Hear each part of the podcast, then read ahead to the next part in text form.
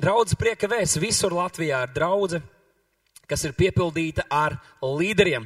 Nevelti vairāk kā desmit gadus atpakaļ Dievs deva mums šo vīziju, varbūt daži no jums vēl atceraties. Tas nav kaut kas, ko mēs katru reizi sakām, bet šī vīzija bija tāda, ka draudz prieka vēsts ir no Dieva dzimusi pastorāla draudze ar misiju. Un tālāk mēs sargājam vienotību un audzinām līderus. Tāpēc, ja tu pavisam nesen esi ienācis šajā draudzē, un tev šis likās tāds pārsteigums, ka mēs runājam par līderiem, un ka mēs tevi tā redzam, kā līderi, kā cilvēkam ir potenciāls būt par līderi un ietekmēt apstākļus un lietas, tad nu, es ceru, ka tagad tu sāc to saprast. Tu esi iemaldījies draudzē, kurā nav pasīvas skatītāji, kurā nav pasīvu kristiešu, bet katram ir sava loma, katram ir savs izdevums un ir laiks mums celties un ieņemt savas vietas, lai tas, ko Dievs ir paredzējis mums šajā laikā, lai mēs to varam izdarīt. Interesanti par līderiem runājot, ka līderis veik šo savu funkciju neatkarīgi no tā, kādā pozīcijā viņš nonāk. To mēs varam redzēt arī Bībeles varoņu skaitā, arī mūsu draudzē ir tāda piemēra, kā piemēram Dāvids. Viņš bija līderis, kad viņš bija avjugans, viņš bija līderis, kad viņš, kļuva, kad viņš bija vajātais, viņš bija līderis tad, kad visi viņam aplaudēja un teica, cik brīnišķīgs un lielisks tu esi. Visbeidzot, viņš bija līderis arī tad, kad viņš bija valdnieks, viņš bija līderis, kad viņš bija jauns, viņš bija līderis, kad viņš bija vecs. Apstākļi nemainīja to, kā viņš sevi redzēja un kā viņš dzīvoja, kā viņš rīkojās. Kāpēc šis vārds līderis attiec uz jums visiem, uz katru no mums, arī uz mani, uz tevi, uz tevi, kas tu skaties attālināti? Nu, iedomāsimies, ka ja atcerēsimies šo piemēru, ko mācītājs lietoja pagājušajā svētdienā pašā sākumā, tātad kaut kas ir nomests uz zemes. Vai draudzē, vai ārpus tās, jūs jau ziniet, kā tas ir. Un tātad tu ej garām šim priekšmetam, un uh, mēs varam dažādi uz to rea reaģēt, dažādi tātad uh, darboties ar šo priekšmetu. Viens variants ir vienkārši strupi paiet garām. Un varētu teikt, kas es pa līderi, kā gan es ietekmēju citus cilvēkus, bet tev aiz muguras varbūt ir iet kāds cilvēks, un viņš tā skatījās, un viņš domāja, varbūt jāpaceļ. Bet viņš redz, ka tu pāji garām, un ko viņš darīs, viņš vēl ar lielāku līkumu iespējams paies garām. Tātad tīši vai netīši mēs ietekmējam līdz cilvēkus. Nu, tāpat mācītājs teica, ka tas labais piemērs ir pacelt, un, piemēram, ielikt miskastē vai pacelt un nolikt, teiksim, ja tas ir lielveikalā, nolikt tam paredzētajā vietā. Tas ir tikai jauki, ka mēs gribam, lai vidi ir sakopta un tīra. Tātad tu ej, tu ieraugi šo priekšmetu, tu viņu pacel, tu pieliecies, pacel, noliec vietā. Un kāds tev aiz muguras iet, kurš varbūt gribēja paiet garām, bet viņš ieraug šo lietu, ko tu esi izdarījis, un tas viņu iedvesmo. Viņš savukārt dodas tālāk un ieraudzīja, ka tur ir vēl kāda lieta, kas ir nokritusi, un viņš to paceļ. Un tā var sanākt, ka mums neapzinoties mēs uz labu pamudinām un ietekmējam cilvēks mums apkārt. Un tam, ko mēs izdarām vienā vietā, un šis ir tāds prasts, triviāls piemērs, bet tas, ko mēs izdarām vienā vietā, ka tam var būt tālējošas sekas, tā kā saite pēc saites, kaut kādi savienojumi nostrādā, kad tu pacēl vienu priekšmetu, bet Latvijas mērogā tie var būt 20 lietas, kas paceļās un nonāk atkritumu izgāstuvē. Nu, vēl trešā lieta, ko es iedomājos, ko var darīt ar šādām lietām. Un es teikšu personīgi, ka man arī pa laikam ir cīņa. Piemēram, es staigāju pa Rīgas kādu parku un redzu, ka tur ir pilns ar miskast izgāzt ārā vārnas, tur viņu ņem un mēta apkārt. Un no vienas puses man ir šī lieta, es gribētu pacelt, bet tad liekas, man jāvēl tam būs gan vesela diena. Tā kā es saprotu, ja šī cīņa mūsos ir, ka tas nav vienmēr pašsaprotam. Bet trešais variants ir, ka tu ej, tu redz to priekšmetu, viņš laikam nav piesiets, nav pārāk ciets un smags, varētu pa to uzspērt, vai ne kaut kādu pudeli vai kas, un tu uzspēr pa viņu. Un vismaz vīriešu, vīriešu sabiedrībā ir tā, ka, ja viens to izdara, tad nākamais, kas ieteiks viņa, viņš varbūt gribēja pacelt, bet viņam radīsies tā sajūta, ka es varu aizspērt tālāk. Un viņš ieskriesies un vicinās ar savu kāju, cik tālu tas priekšmets aizlidos. Es nezinu, varbūt tas ir tikai man un manu draugu starpā tā, bet man ir bijuši reizes, ka mēs ar draugiem, piemēram, tiekamies pie. Uh, Pirms kāda laika mēs bijām pie ogres zilajiem kalniem, un tur ir tāds skaists uh, ezers, karjeras, un uh, mēs tur stāvam, kaut ko runājamies, un mēs ar to puisi ieraugam, tur tālāk tāds, nu, krietnā attālumā tāds ūdenī, tāds baļķis. gulšņā. Un, kā, viens pamēģina ar akmeni iemest, tā mēs pusstundu mētājām, aizmirsām par visu, ko tur sievas grib sarunāties, bērnu vajadzībām. Viss tas palika otrajā plānā. Mēs mēģinājām trāpīt pa to baļķi. Līdz beigās bija jau tik tumšs, ka mums bija jābrauc mājās, neviens no mums nebija trāpījis. Jā.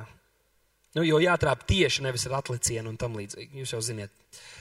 Nu, lūk, visai mūsu dzīvei, mūsu rīcībai ir ietekme. Tieši vai netieši apzināmies to vai neapzināmies, mēs ietekmējam notikumus, mēs ietekmējam tos cilvēkus, kas ir mums līdzās. Uh, Ko es gribētu vēl, lai mēs saprotam par līderību? Tātad mēs esam līderi. Un kā jau mācītāji ir teikuši, līderis ir tas, kurš uzņemas atbildību un ietekmē. Bet es gribētu vēl mazliet tālāk aizvest un pateikt, ka līderis ir tāds, kurš izrāda iniciatīvu. Saka, izrāda iniciatīvu.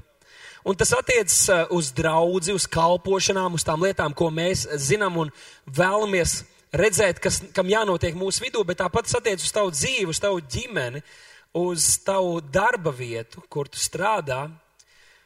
Mums kādreiz liekas, ka līderis un vadītājs var būt tikai tas, kurš ir ieņēmis pašu augstāko pozīciju, viņš visu nosaka. Bet iedomājies, ka, piemēram, tu esi šī uzņēmuma vadītājs un kāds no taviem darbiniekiem nevis knapi ir izdarījis to, kas viņam ir uzdots, bet viņš atnāk un saka, es šīs nedēļas pirmajā pusē izdarīju visu, kas man bija uzdots.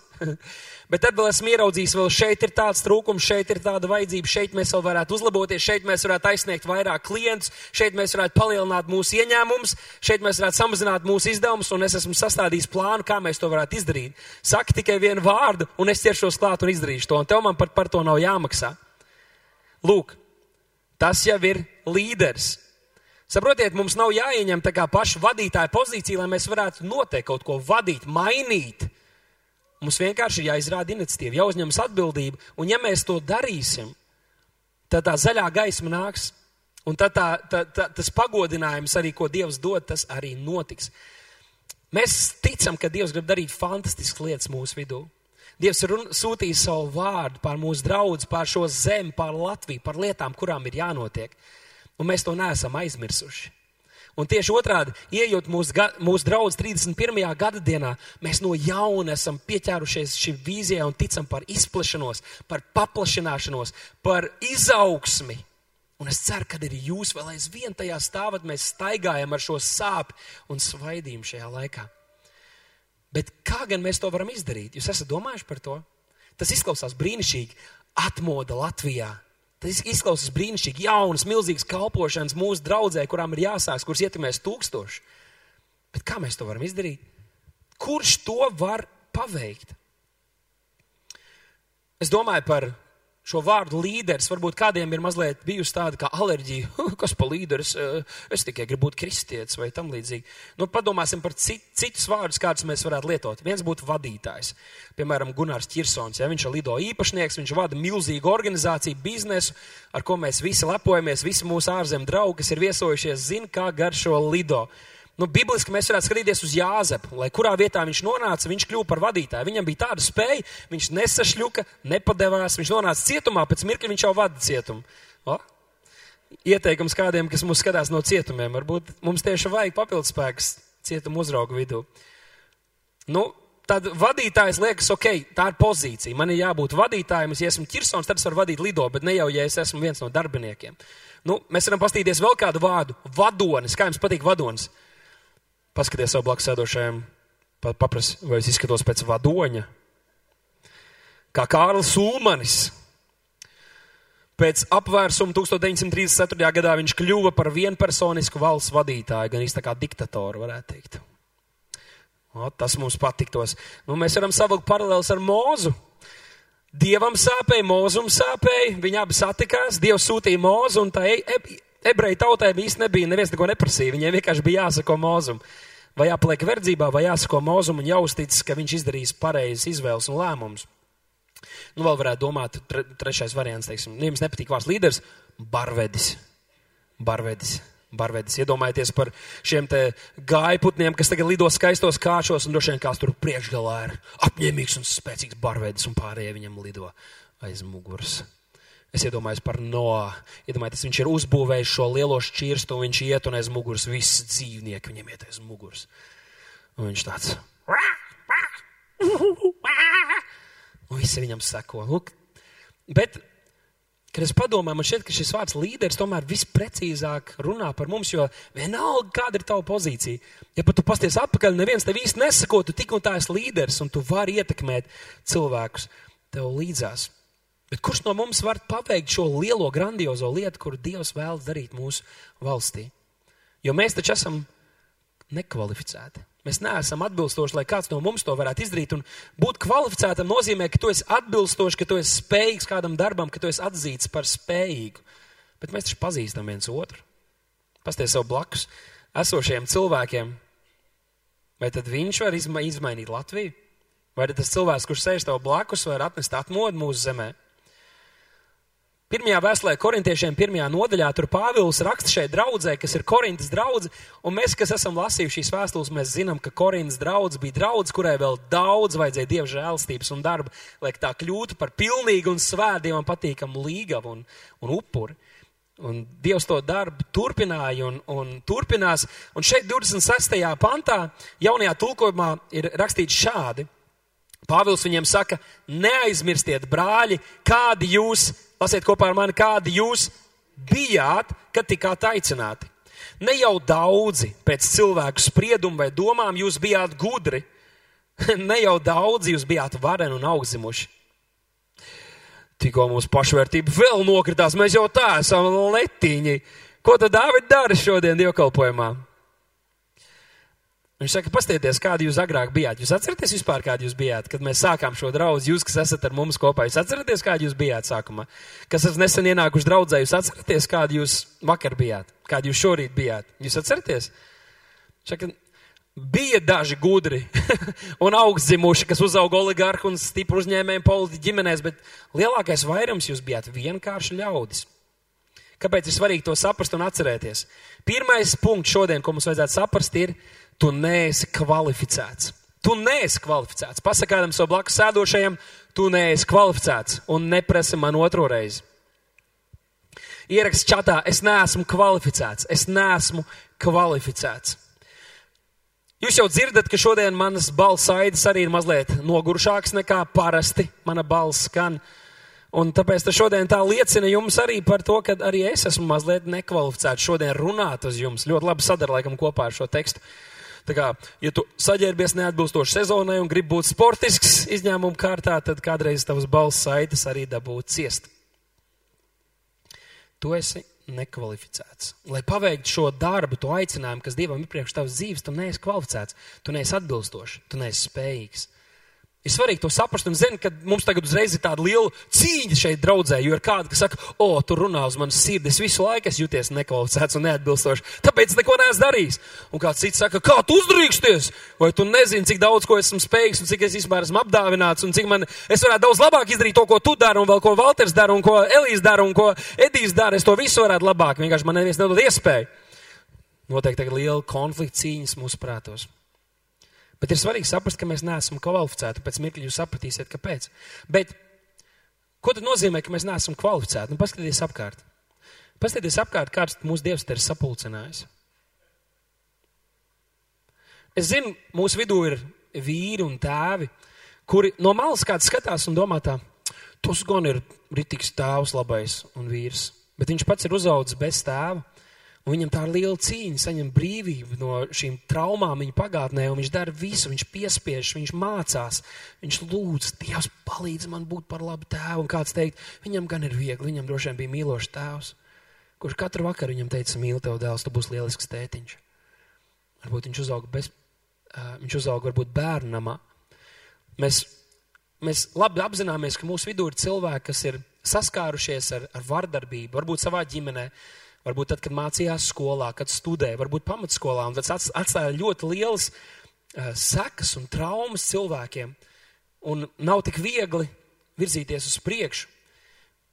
Ir kādi mūsu vidū, kas cīnās ar savām seksuālajām ziņām, varbūt, kad ir vīri, kas ir laulībā, vai sievietes, kas ir laulībā, un, un tik un tā tavā miesā ir kaut kas, kas cīnās pret tevi, lai tu varētu pilnvērtīgi un brīvi nodoties arī šim intimitātei ar savu dzīves draugu un justies tajā piepildīts un laimīgs. Varbūt kāda mūsu vidū ir, kas cīnās arī ar savu orientāciju un saprast, kā un kā ar kādas pievilkšanās tu izjūti pret savējo dzimumu un tu cīnies, kā ar to tikt galā un kā to risināt. Mūsu vidū ir sievietes, kuras viņu vīri vai dzīves biedri ir atstājuši un pametuši vienas ar viņu bērniem un ir darījuši visu, ko spējuši, lai parūpētos, lai uzaudzinātu savus bērnus. Tāpat mūsu vidū ir cilvēki, kas ir viegli aizvainojami, un jūs zinat, tur atliek pateikt divus vārdus ne tādā balstonī, vai pat aizsūtīt īziņu bez kādas maidīgiem auģī, un tur jau ir kodolkarš sācies, ir jau liels problēmas.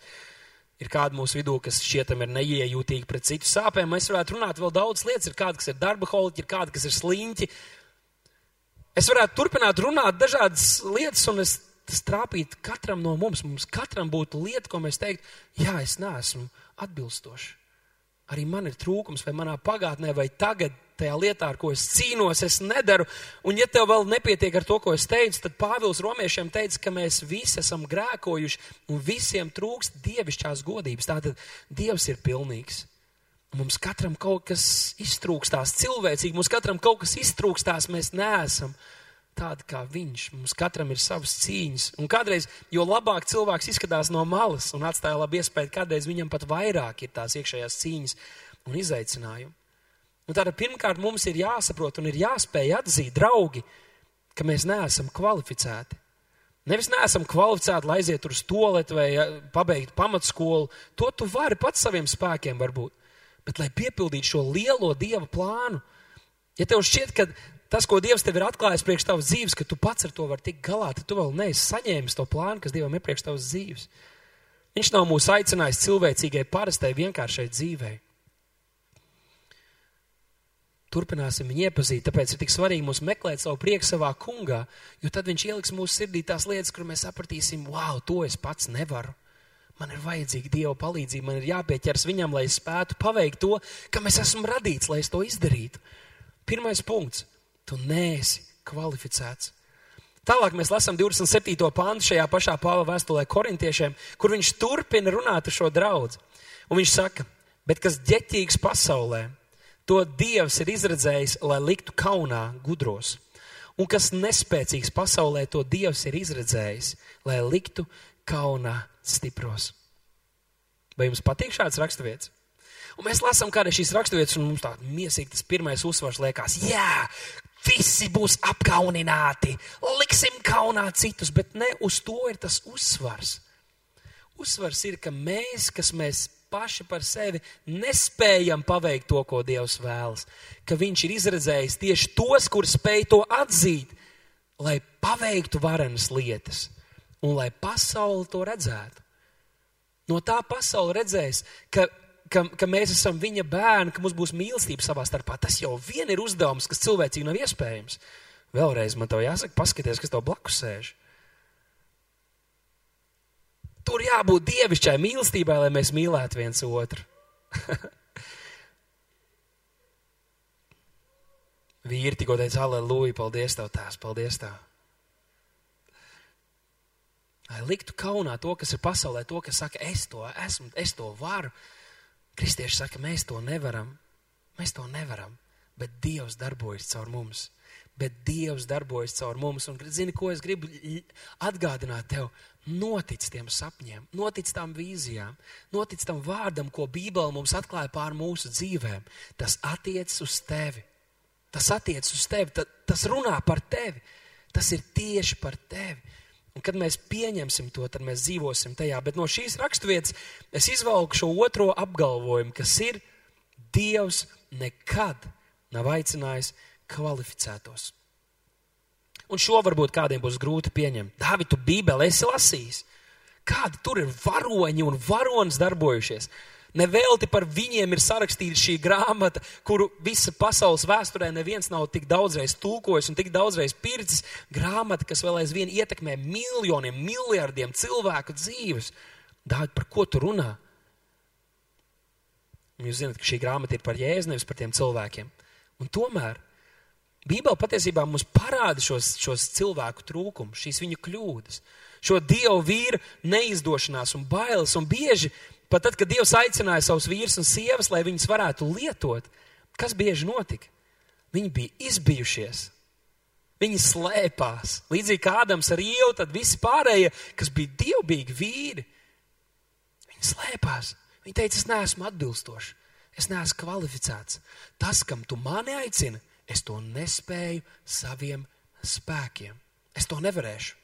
Es to nevarēšu. Un Dievam bija jādarbojas un jādarbojas un jāpierāda un jāsūt savus vārdus un jādara zīmes un brīnumi, lai beidzot viņi sāktu rīkoties.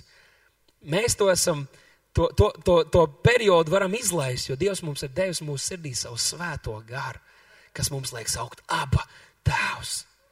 Mēs zinām, ka Dieva vārds ir patiesības svētais gars, mums to apliecina, un Dievs pats savu vārdu apstiprina ar līdzjošām zīmēm. Bet paskatīsimies uz kādiem no šiem Bībeles varoņiem, kurus mēs kādreiz noliekam tādā etalonā. Nē, nu, tas bija pilnīgs vīrs. Mēs esam pīšņi. Tas bija pilnīgs vīrs vai sieva. Mūzes, viņš stostījās. Dievs ar viņu pamatīgi strādāja, pirms viņš vispār bija gatavs doties atpakaļ uz Ēģipti. Varbūt tāpēc, ka viņam bija bail, ka viņš tiks noslapkavots. Tas bija pilnīgi saprotami. Viņam bija bail, ka viņš nevarēs pateikt tai tautai, iedomājies, tur ir miljoni, divi miljoni cilvēku kuri nemaz negrib, lai tu viņus vadi. Un tu atnāc un tu stosties. Bet, bet, bet, bet, bet, bet Dievs, viņš saka, ko tu teici, mēs nesaprotam. Un Dievs saka, ej, un runā ar, ar faraonu, runā uz šo Izraēlu tautu, es gribu lietot tevi. Mēs zinām Gideonu, kur Dievs skatās uz viņu potenciālu un saka, tu stiprais un varenais vīrs, bet Gideons, viņš slēpjas, un viņam ir pilns ar aizbildinājumiem. Gideons saka, Es esmu vismazākajā ģimenē, vismazākajā pilsētā, visnepiemērā, vis, vis, vis, vis, visnepiemērotākais. Un ziniet ko? Dievs kādreiz lieto tos visnepiemērotākos. Rāhebe bija prostitūta. Sieviete pie akas bija vairāk kārt šķīrusies, viņa pēc tam aiziet un atgriež veselu pilsētu. Jeremija bija pārāk jauns. Pāvils bija vajājis draudz, viņš bija slepkavs. Pēters, viņš noliedz Jēzu. Jona bēga no Dieva, kad Dievs viņu aicina kā savu pravieti. Noā bija dzērājs. Jāzeps bija piedzīvojis varmācību savā dzīvē. Abrahams bija pārāk vecs. Ziniet, mūsdienās ir kāda arī, kas saka, es jau esmu, uh, es jau esmu pietiekami daudz paveicis, lai tie jaunie skrien. Abrahams nemaz tā nedomāja. Abraham, Abrahamam vispār tas nenāca prātā. Viņam Dievs deva vārdu. Viņš skatījās zvaigznēm, smiltīm. Viņš teica, es to izdarīšu. Paga, paga, jūs jaunekļi, dariet, kas jums jādara. Dievs savu vārdu ir devis man, un es izdarīšu savu daļu, izdarīšu savu uzdevumu. Iedomājieties, ja mēs nonāksim debesīs, stāvēsim Dieva troņa priekšā, un Dievs saka, Malacis, tu esi līdz 30 gadu vecumam, bija ļoti aktīvs kristietis. Un kas pēc tam notika? Nu, Dievs mums svētdienas skolā uzauga ļoti efektīvi bērni, bija ļoti dedzīgi, un es vienkārši aizgāju lūkšanā kambarī, lūdzu par viņiem. Lūkšana ir laba. Bet neviens taču nevar izdarīt to, kas tev ir jāizdara. Un kamēr mēs esam dzīvi, mums ir uzdevums attiecas uz jauniem un veciem, tāpēc mūsu bērni pat skatīsimies uz viņiem kā uz bultām. Viņiem ir uzdevums jau no agra, agra, agra, agra viņu vecuma. Ja viņi piedzīvo Dievu, viņiem ir uzdevums, kas viņiem jāpaveic šajā pasaulē. Iedomājieties kaut vienu piemēru no Bībeles, kur Dievs ir lietojis kādu cilvēku, kurš pats to būtu spējis paveikt savos spēkos. Pat Jēzus, kungs un glābējs, pestītais Dievs, kurš nācis miesā, kurš iztukšoja sevi no visa dievišķā, pielīdzinādamies mums, viņš kādā vietā teica: Es pats no sevis nespēju nenieka darīt.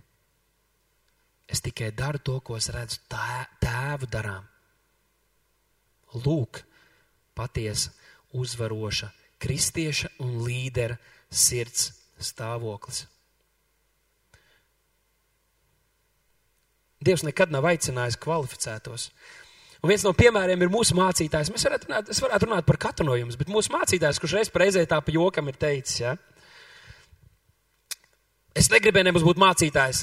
Pirmo tur pusgadu vai cik tur, kad viņam bija jāsludina, viņš pirms tam lūdz Dievam, Dievs, es lūdzu, ja tas ir tavos spēkos, lai neviens neatnāk uz šīm sapulcēm. Lai neviens neatnāk. Ja varētu, dod man māju kaut kur mežā, nos no cilvēkiem. Bet ne mans prāts, bet tavs prāts, lai notiek. Un Dievs lietoja šo vīru un ir paveicis šīs fantastiskās lietas daudz no mūsu dzīvēm. Mēs esam ietekmējuši Latviju. Tāpat mūsu vidū varētu runāt par mācītāju līgu, par katru no kalpotājiem, par katru, kas ir atsaucies šo gadu laikā, par tiem, kas jūs skatāties attālināti. Wow! Mēs jau esam redzējuši to, ka Dievs ir spējis lietot nekvalificētus cilvēkus. Un tas noved pie mana trešā punkta, kuras pirms tam gribētu jums nolasīt raksturvietā. Tad tālāk, 30. pantā, Pāvils turpina ar šiem vārdiem. Pateicoties viņam, jūs, jūs esat vienībā ar Kristu Jēzu, kas mums kļuvis par Dieva gudrību par taisnību, par dzīves svētumu un pestīšanu, lai būtu, kā ir rakstīts, kas lielās, tas lai lielās ar to kungu. Klausieties, draugi, pateicoties viņam, pateicoties viņam, viss, kas mums ir, tas nāk no viņa. Tāpēc kristietim nav grūti dzīvot pateicībā, pat tad, kad ir grūti. Dzirdējāt, nav grūti dzīvot pateicībā, arī tad, kad ir grūti.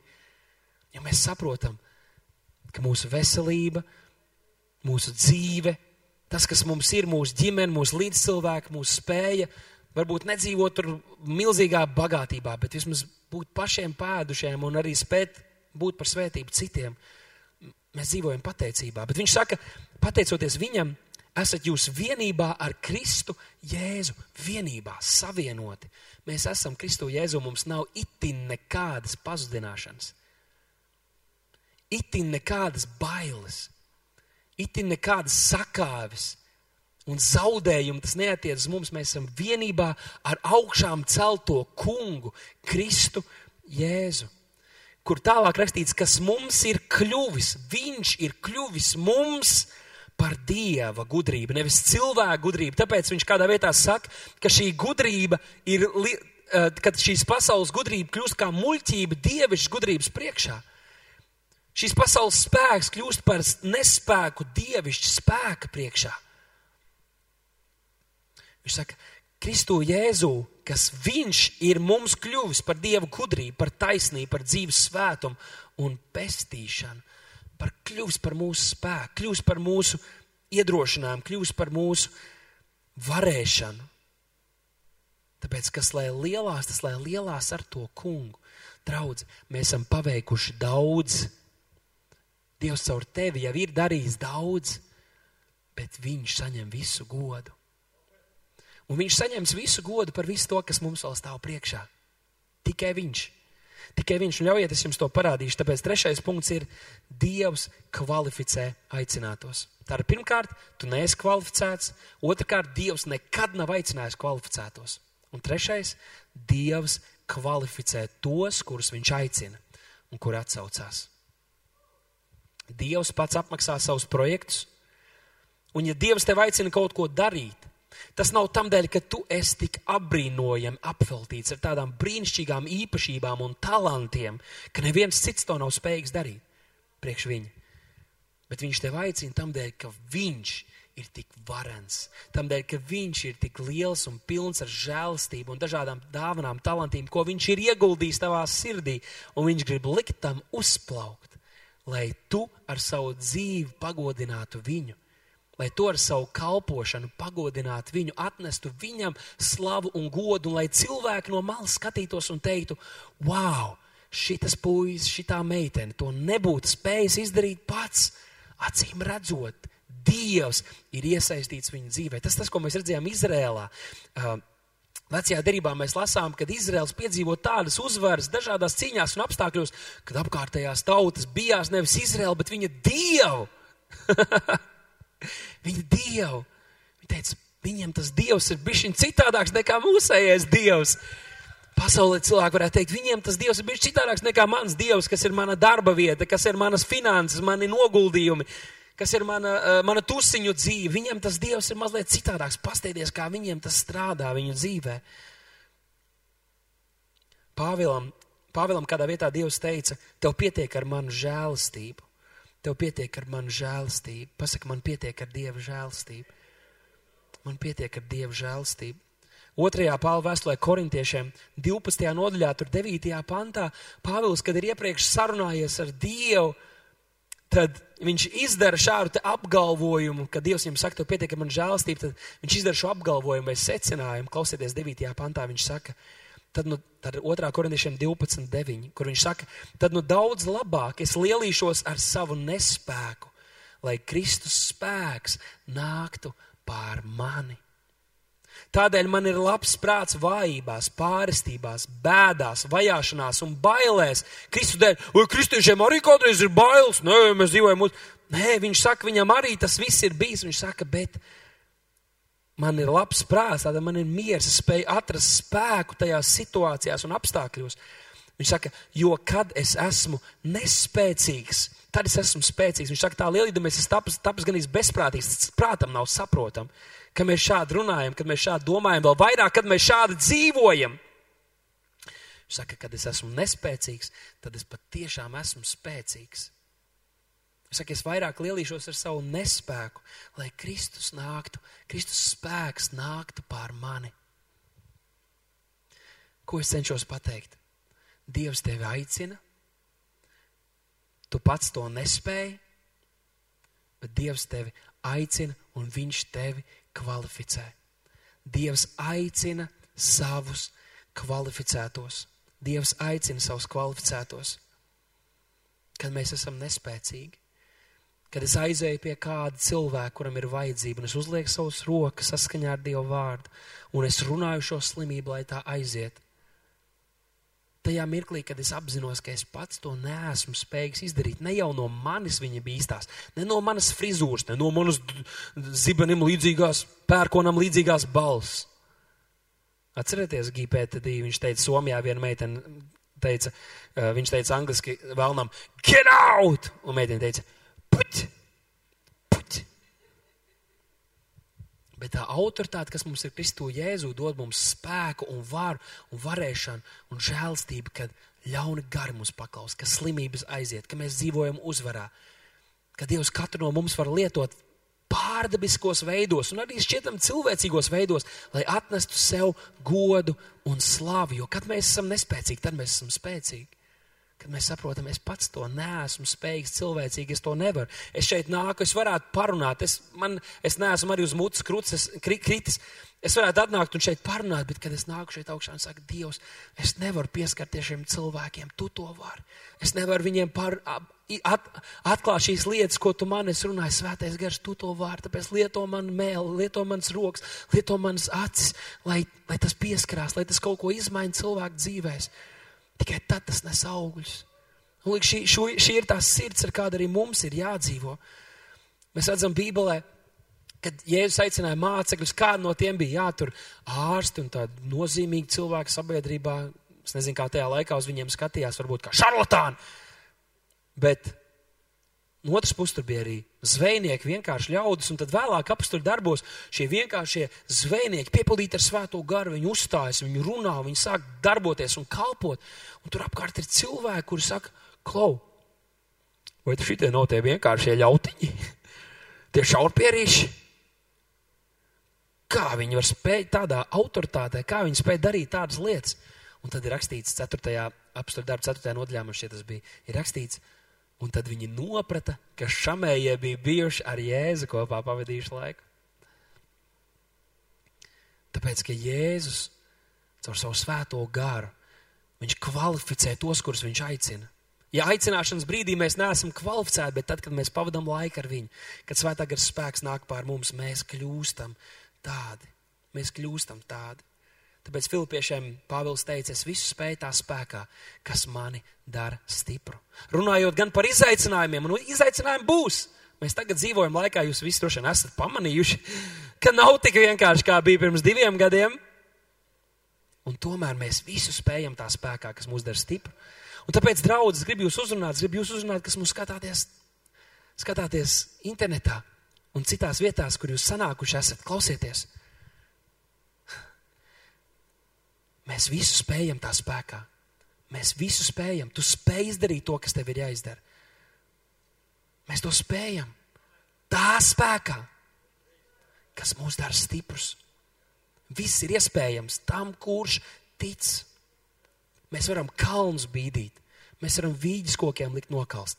Bet netērēsim ticību un spēku šādām lietām. Ir forši, ka mums nav tie kalni, kad ir tā mierīgs, samērīgs klimats. Mums patīk četri gadu laika, neizmainiet to neviens lūdzu lietosim ticību, lai iemanto Dieva apsolījumus. Gribētu jūs iedrošināt šo laiku, kas ir ierobežojuma laiks. Mēs zinām, kad ir ierobežojuma laiks valstiski, bet valstībā mēs neesam ierobežoti. Skatīsimies šo laiku, kā mēs kā līderi varam to izmantot, lai Dieva valstība ietu plašumā. Nu, ko mēs nevaram aiziet uz kino, bet mēs varam satikties ar kādiem cilvēkiem, nezinu, pastaigāt pa mežu, kalpot viņiem, veidot attiecības ar cilvēkiem, kur jūtas vientuļi un pamest. Ir dažādi veidi, kā mēs varam izmantot šo laiku. Tas ir jautājums, vai tev būs šī iniciatīva, vai tu atsauksies gara pamudinājumam un būs gatavs rīkoties lai kaut ko mainītu. Es jums gribu parādīt Latvijas karti, un pēdējā gada, pusotra gada laikā mēs esam centušies identificēt tos cilvēkus, kuri ir atsaukušies, te, piemēram, YouTube komentāros, Facebookā vai citādāk mums rakstījuši, un atzīmēt šos, šīs vietas, no kurienes cilvēki um, ir savienojušies ar mūsu draugu. Un jāsaka godīgi, ka šo 30 gadu laikā Dievs ir bijis uzticams. Un Dievs ir mūsu draudzēji devis ietekmi ne tikai šeit Rīgā un šajā vietā uz šiem cilvēkiem, kas mūs, mēs te esam, bet ir paplašinājis mūsu ietekmi pa visu Latviju. Šajā brīdī, kad mēs kopīgi kalpojam, mūs skatās un vēlāk skatīsies un no šī vārda saņems, un šo svaidījumu saņems cilvēki visā Latvijā un vēl vismaz 50 dažādās citās valstīs dzīvojušie, visos kontinentos. Lielbritānijā vien mums ir kādi 50 cilvēki, ar kuriem mums ir konteksts, un mēs zinām, ka, ka, ka viņi arī ir kopā ar mums. Tas, ko es gribu, lai mēs atsaucamies šim vārdam un lai mēs padomājam, kā mēs kā līderi šajā laikā, kā mums ir jāceļās un kas mums ir jādara. Un es šeit runāju gan uz tiem, kas mēs esam Rīgā, klāt, klātienē, bet arī tie, kas mūs skatāties Liepājā, Rēzeknē, Cēsīs, citās pilsētās, ciemos un vietās, kur jūs esat. Ja šis vārds atsauc jūsu sirdīs, varbūt jūs vēl neesat gluži iesaistījušies līdz šim, bet jums rūp, jums sāp. Jūs esat gatavi uzņemties atbildību, darīt kaut ko. Varbūt tu vari vadīt, Varbūt, ka tev šķiet, ka tu nevari vadīt, bet tu varētu iesaistīties vai atbalstīt, palīdzēt. Varbūt, ka tev ir vieta, kur cilvēki varētu sanākt un sapulcēties. Varbūt, ka Dievs tev ir devis kādus sapņus un vīzijas, un tu nezini, kā tu to varētu to panākt un izdarīt. Mēs gribam palīdzēt Kristus miesai celties šajā laikā pa visu Latviju. Ja tur, kur jūs skatāties pa visu Latviju, vai šeit pat Rīgā esot, jūs būtu gatavi teikt, vai sadosimies rokās un kopīgi ticēsim par atmodu Latvijā. Mēs kā draugi palīdzēsim, cik varēsim, un ekipēsim un ieguldīsimies visu vis Latvijas mērogā, bet arī šeit Rīgā, kur mēs esam. Lai Dieva valstība iet uz priekšu, lai tie sapņu vīzijas, kuras Dievs mums ir devis, lai tie piepildītos, lai tie notiktu tad es aicinu, ka jūs rakstiet, uz, rakstiet mums vai nāciet pie kalpotājiem, sakiet, bet mūsu mājaslapā tagad ir viena no reklāmiņām, kad ieiesiet tieši zem lielā banera, tur ir rakstīts pievienojies sapņu komandai. Un kad jūs uzspiedīsiet uz to, tad tur apakšā ir anketiņa. Uzrakst savu vārdu, mēs sazināsimies ar tevi. Tev nav jābūt visām atbildēm un skaidrībai, bet ja šis vārds atsauc tavā sirdī, tev sāp, tev rūp, saprot, ka kaut kas ir jādara, lai kaut kas mainītos. Ja mēs neko nedarīsim, neko nemainīsim, nekas nemainīsies. Lūdzu, raksta mums aizpildu šo anketiņu. Jūs, kas esat šeit klātienē, jūs gribat iesaistīties draudzē vai ārpus tās, paplašināt savu kalpošanu, lūdzu, lūdzu, dodiet mums ziņu. Mēs ticam, ka šī nav sagadīšanās, ka Dievs mūsu mācībām ir, ir devis šo vārdu un vi, virzienu. Mosties līderi. Mums kā draudzēji tam ir jāatsaucās. Tāpēc jūs, kas skatāties mūsu online, šajā brīdī komentāros jau ir iemests šis links.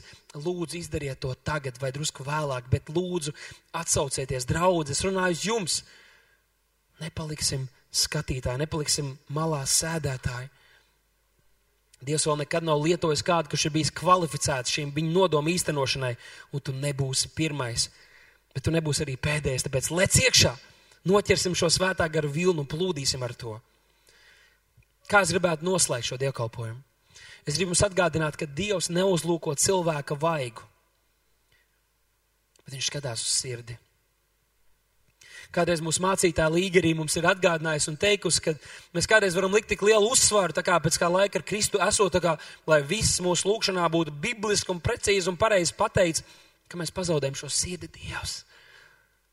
Dievs, mēs no Tevis gribam saņemt, uz Tevi mēs ceram, palīdzi. palīdzi. Dievs skatās uz cilvēku sirdi. Viņš neskatās uz tavu vaigu, viņš neskatās uz to, cik tu esi skaists, simpātisks, garš, muskuļains un tā tālāk. Tas viss ir otršķirīgi. Viņš skatās uz tavu sirdi. Un viens no tādiem vīriem bija Dāvids, no kura mēs varam mācīties. Dāvids nebija no tiem izcilākajiem, piemērotākajiem, lai Dievs viņu varētu lietot. Tajā laikā par kādas valsts vadītāju varēja būt tas, kurš bija stiprākais un garākais, un Dārvids nebija neviens no tiem.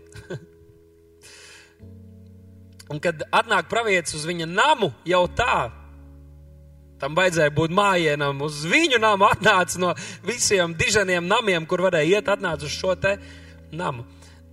Tad tur viņa tēvs saka, nē, nē, nē, ne jau tas atnāk pārējie dēli, ne jau tas tur avju gans. Brāļi saka, ko tas mazais avju gans tad lien tagad. Mēs esam īsti vīri, mēs te nokārtosim lietas. Un Dievs skatās pāri visiem šiem cilvēku viedokļiem. Viņš ieraug šo mazo puisi, kurš ar savu cītaru ir uzticams tajā vietā, ko Dievs viņam ir devis. Un viņš vienkārši meklē Dievu vaigu. Viņš ļaujas, lai svētais gars viņu vada.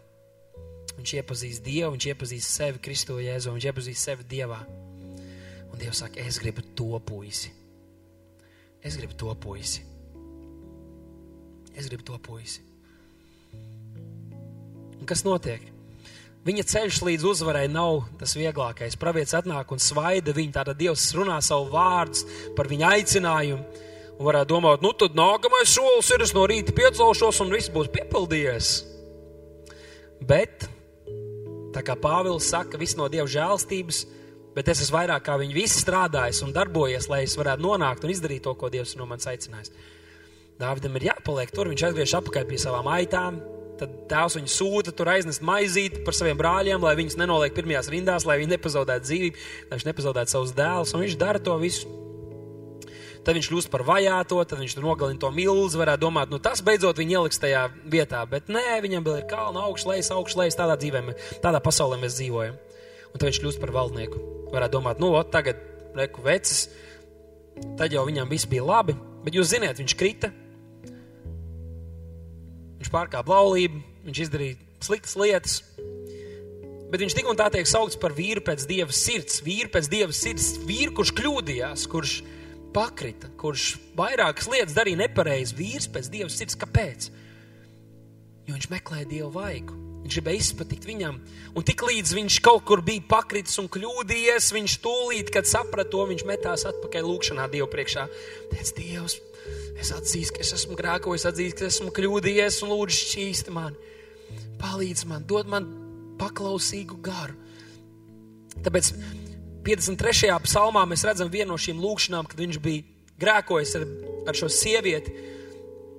Tad 3. pantā viņš saka, Nē, 51. nodaļā, 12. pantā viņš lūdz, tātad tālāk viņš saka, radi manī, ak, Dievs, šķīstu sirdi un atjauno manī pastāvīgu garu, noturīgu nodošanos tev. Un 14. pantā viņš tālāk saka, atdod man atkal atpakaļ savas pestīšanas prieku un stiprini mani ar paklausības garu.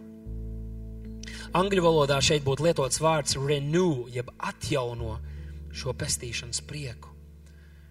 Es nododos tev, Tēvs, un palīdzi man no jauna izjust prieku, sakārtot prioritātes, izjust prieku par to, par ko patiešām ir jāpriecājas. Nevis tikai par to, ka notiek brīnuma zīmes, ka man ir labi vai slikti, bet par to, ka es esmu glābts, par to, ka Jēzus radīja savu dzīvi par mani. Tas ir tas, par ko mēs visu dzīvi gavilēsim un priecāsimies.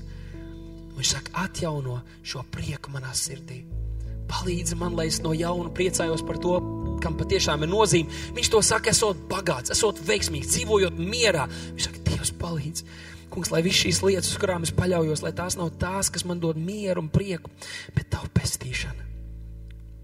Tas, ko tu man esi dāvājis, jo tas palīdzēs man visu pārējo dzīvē arī sakārtot. Un tad viņš saka, stiprini manī arī paklausības garu Un jūs atceraties, ka atmoda un personīga atmoda nav nekas vairāk kā jauna nodošanās paklausīt Dievam. Vienalga, ko tu saki, vienalga, kā es jūtos, vienalga, kā tas izskatīsies no malas, es paklausīšu tev. Un tāpēc tev šodien jāzina, tu neesi kvalificēts, slavētājs var nākt augšā. Tev šodien jāzina, ka tu neesi kvalificēts. Un tad, kad tu sajūties, ka tu pats to spēj, tad visdrīzāk tev jāpārbauda savu sirdi. Otrakārt, tev jāzina, ka Dievs nekad nav aicinājis nevienu kvalificētu, un neviens kvalificēts šeit virs zemes nav bijis kā vienīgi Jēzus Kristus, mūsu kungs un glābējs. Un treškārt, tev ir jāzina, ka Dievs kvalificē savus aicinātos ja tu uzdrīkstēsies atsaukties viņam, kad Dievs saka, ko lai sūta, kas būs mūsu vēstnesis šajā sabiedrībā, šajā laikā, kurā mēs dzīvojam, kurš var atnest šīs pārmaiņas un mieru un svētību šajā tautā. Ja tu teiksi, ja tu uzdrīkstēsies teikt, es sūta mani, tad Dievs dos savu žēlastību vairāk kā nepieciešams, lai tu pats dzīvotu uzvarā un paveiktu to darbu un uzdevumu, kam Dievs tevi ir aicinājis.